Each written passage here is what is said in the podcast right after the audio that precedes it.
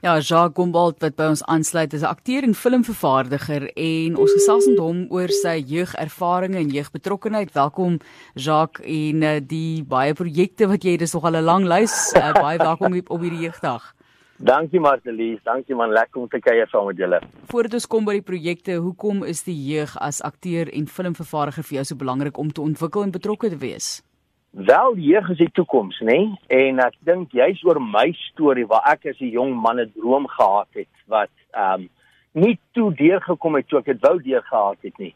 Maar baie jare later het dit deurgekom en uh so uh, ons word mos groot in die Disney era waar alles dink is magic en uh as dit nie magic is nie kry baie keer ek noem dit 'n 'n wat ook al houding. En uh, ja, daai wil mense aanspreek vir die jeug. So dis my passie, Marcelies, dis my passie. Wonderlik. So kom ons begin by 'n veldtog wat jy verlede jaar geloods het. Die fokus natuurlik om boeliegedrag te ja. stop. En ek weet jy mense daar's so baie wat gedoen word daaroor. Ek wonder of dit iets is wat 'n mens ooit 'n stokkie voor sal steek. Wat dink jy? Ja. Weet jy mense wil die kultuur aanspreek nê. Die probleem wat mense het baie keer en ek wat op 'n skole besoek is, jy wil nie 'n treffend trap projek wees nie. Jy wil die hele kultuur um uh, aanspreek. Met ander woorde, ons het uh, plakkate en ek het natuurlik my films wat ons gemaak het oor die boelie probleem. Maar dan wanneer by die ouers uitkom, um baie keer is dit is die huisding. En ek het so na julle program ook geluister Vrydag, nee gister. En ek gesien daar is wonderlike projekte daar buite wat juis daar um, afloop en my toespits om daai probleem aan te spreek. So mense doen maar wat jy kan en dit is my passie, ja. So ja, Vind jy dat mense en en en mense op skool waar jy besoek gaan af lê bereid is om al hoe meer na vore te kom want selfs die mense wat nou deurgeloop het en geboelie is en ja. so het hulle self as dit ware weggesteek. Hulle is bang om te sê hulle word geboelie want hulle is bang hulle word verder geboelie en mm. soms in so 'n mate dat hulle selfbeeld al so afgekraak is dat ehm ja. um, dat hulle net nie meer gedink het hulle is eintlik iets werd of hulle mag daaroor praat nie. Uh, vind jy dat mense meer na vore kom? Ek dink dit raak nogals 'n uh, 'n uh, uh, algemene woord want nou gee jy amper vir die ouens se stok in die hand om te sê ek word geboelie. En boelie is nou hierdie rooi lig wat aangaan waar as jy net vir die kinders prakties kan want vir my is my hele uitgangspunt Johan is om vir hulle te leer om te verstaan. Want hoe ek dit opgedeel het is hoekom word ek geboelie? Want jy's 'n sagte teiken. So vind uit wat jou sagte teiken maak, dan is die stryd halfpad gewonde en dan die beeld is byvoorbeeld 'n leeg glas, nê, of 'n halfvol glas. Dat die boelie dink sy glas gaan voller word as 'n ander kind se glas leeg gaan boelie. Maar dit gaan nie gebeur nie. So as jy nie dit verstaan, net jy kan jou glas vol maak. So die kind wat geboelie word, selfs die groot mens, wat kan jy doen om jou glas vol te maak? As jy nou die glasbeeld, die metafoor verstaan deur buitemuurse aktiwiteite te doen, die tyd uit te koop, maar in hierdie era van TV en videospeletjies word jou glasie sommer vol nie. Jy jy jy verander nie jou persepsie van jouself nie. Jy hou nie van wat jy sien in die spieël nie en jy ontvlug. En uh, dis nie goed nie. So ja, dit is dit is dit is regtig 'n 'n 'n 'n komplekse probleem waar ek maar net my deel doen en dis om verstaan te bring. So die een is vind uit wat jou sagte teiken maak en die tweede een is ken jou boelie en ons het vyf boelies daar geïdentifiseer. Hoe lyk hulle so in 'n neete dop? En dit op boelie een, boelie omdat hy probleme by die huis het. Dis omtrent 80% van boelies, né? Nee? So uh, eintlik moet jy daai boelie jammer kry. So as jy in jou hart weet, hey, ek kan hom eintlik net jammer kry, dan dan is dit goed. Die tweede boelie dink hy, hy sien jou as kompetisie en dit veral met meisiekinders hè. So nou wil hy jou afbreek sodat jy hallo, minder goed voel oor jouself en dit. So al wat jy daai eintlik moet doen is om vir die ou te sê, "Hoorie, ek dink jy's beter as ek." Vir die meisiekind, "Hoorie, ek dink jy's mooier as ek." Want dit is al wat hy eintlik wil hê. So dit kan jy prakties doen. Boelie 3 is die boelie wat nie weet hy boelie nie. Hy dink hy speel net. So daar het mens grense nodig. En by boelie 3B noem ek dit korrektiewe boelie. Dit is wat onderwysers baie keer skuldig aan is. Die in hierdie tyd die mense meer bakslae kan gee nie, is die onderwysers amper nie meer soos in die ou dae, die ou jou bakslae gegee en daarna as jy baie vriendelik. Ek sê nie sê pelle nie. Onderwysers moet jou pel wees nie. Maar deesdae die onderwysers heeltyd hierdie afstoot en Man, dit is dit is dit kom hier op boelie, die insidente wat ek jou moet vertel. En dan die vierde boelie wat nou eintlik nou 5 is, is wanneer jy jouself boelie. Johan, die skole gooi hulle deure oop vir my oor daai punt.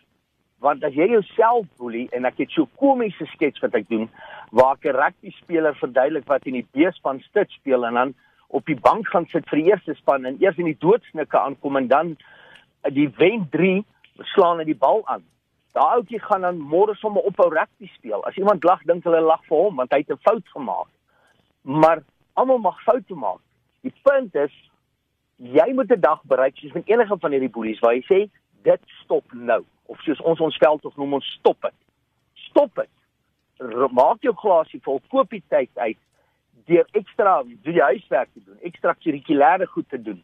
En natuurlik ja, ehm um, ek dink die beeld spreek vir homself, maar die punt is uh in kort wat mense nou in baie meer detail ander dag sal bespreek, maar dit is dit is dit is my game plan. Jacques, jy jy het ook 3 films gemaak wat nou die ja. wat die wat die temas aanspreek. Ek dink Langgras mm. en Simpson het nie muscles nie en wat is die ander ene? Populariteit. Ja, populariteit, maar dan 'n uh, uh, kursief poppie, né? Ja, poppie is 'n kursief. Ja. Kursief ja. om nou op te te, te dui op um, op iemand wat 'n sekere poppie genoem word of ja, wat ook al? Ja, dit is alles ware stories, né? Ja. En populariteit, ja, dit is die mees aangrypende storie. Hierdie meisiekind was 'n 'n 'n hoofdogter materiaal, né? Maar ma was onderwyseres in die skool. Toe haar staan dit 4 jaar, dit is haar graad 6 jaar, wou die hoof haar al 'n prefek maak. En haar ma sê toe vir die hoofman, los die kind dat sy nog klein wees. O, maar o, a, a, laat sy maar prefek word in graad 7. Nee, sê die hoof dan gaan sy hoofdogter word. Toe kry die ma nie hoofstry in haar graad uh, graad 6 jaar. Soveel so toe sy hoofdogter moet word, toe sê die hoof sy gaan nie eens 'n prefek word nie. Toe haal die maar uit die skool uit en sy sit in 'n naburige skool waar daar ander kinders is en sy gaan nie sommer net gereedelik aanvaar word nie hulle sien haar toe as kompetisie wat die hoof sien net toe toevallig in die regte lewe van haar hy het in haar belang gestel vriendelik geweest toe sê hulle gaan haar geheim uitvind. En toe reoneer hulle haar reputasie. En net daai storie wat ek dan daar ingewerk het en hier is my ander passie Johan is verhoudings. Niemand leer ons kinders van verhoudings nie ja dis 'n storielyn in populariteit die hoërskool storielyn en die tema van daai film is elke vrou op aarde wil gedans word deur die lewe. Maar nie elke man kan dans nie. Veral nie as hy glo hy's 'n hoender nie. Want eintlik hierdie drie films bou op mekaar. In die tweede film Simpson het nie muscles gehad nie. Leer ons die laaitjies dat hulle moet arende word, nie hoenders nie. En dan bou dit oor na die derde film toe. Ja. Ja, is uh, interessante temas wat aangespreek word vandag. Fokus ons op jeugdag, op die jeug, op die uitdagings ehm um, wat dikwels baie groter is as wat ouer mense besef. Ehm um, ja. dan dan die tegnologie ehm um, is tot hulle beskikking is 'n geweldige uitdaging om dit te hanteer. Ek weet as ek reg kan onthou jy het gesê jou uh, prikkel vir die filmwêreld was hier in staan het 5 rond gewees. Ja, graad 7, né?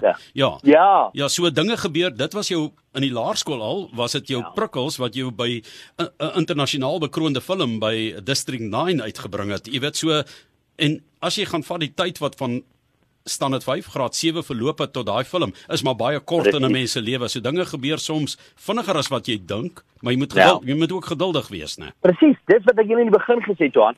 Ek was van dit 5, nê. Toe hulle film by my skool kom skiet het. Ek sou nooit vergeet, maar die onderwysers kon dan gaan een seentjie in hierdie skool gaan gelukkig genoeg wees om in hierdie film te speel. Ek wou daai seentjie wees. Maar hoe is jy een kind uit die hele skool uit? Ek het geweet ek gaan moet bid soos nog nooit tevore nie. Broer, ek het agter in daai klas gesit en daai tafeltjie so vasgegryp en met alles in my 12-jarige hartjie gebid. Maar net die populêre ouetjie het in die fliek gespeel. En hierdie insident gebruik ek nou, dit is nou basies my my my intree boodskap is om te sê pas op vir daai teleurstellings van die verlede wat jou op wat ook al houding later gee. Dit is soos jy word ingeënt teen teen teen teen teen die evangelie, verstaan jy? Christendom werk nie. En vandag is dit nou 14 jaar terug, toe skiet ek my eie film by dieselfde skool. Ek het nou al 5 seks by dieselfde skool geskiet. Maar daai eerste film het ek gedoen om 'n punt te bewys nie. Ek het dit ja, ehm um, ek het nie al my vinger in die onniese gesig dat ek gaan baie sê ja, hulle wou my mossietjies nie.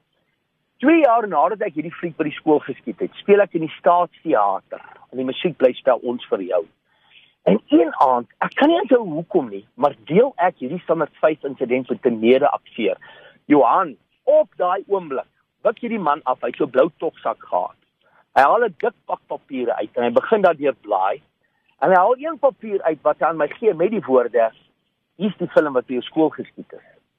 Die film se naam is Rimi.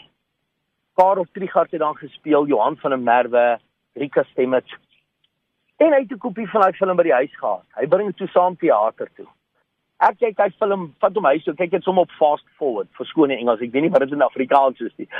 En daar is hy. Daai ouetjie wat die rol gekry het wat ek wou gehad het. Otto. My broer, in my hart bars daar 'n sweer. Dit was 27 jaar vandat ek op laerskool was. sien ek daai word ek herinner aan daai insident. En weet jy dinge was nie lekker tussen my en die Here nie, ja. En vir 'n week en 'n half het ek 'n tantrum gegooi.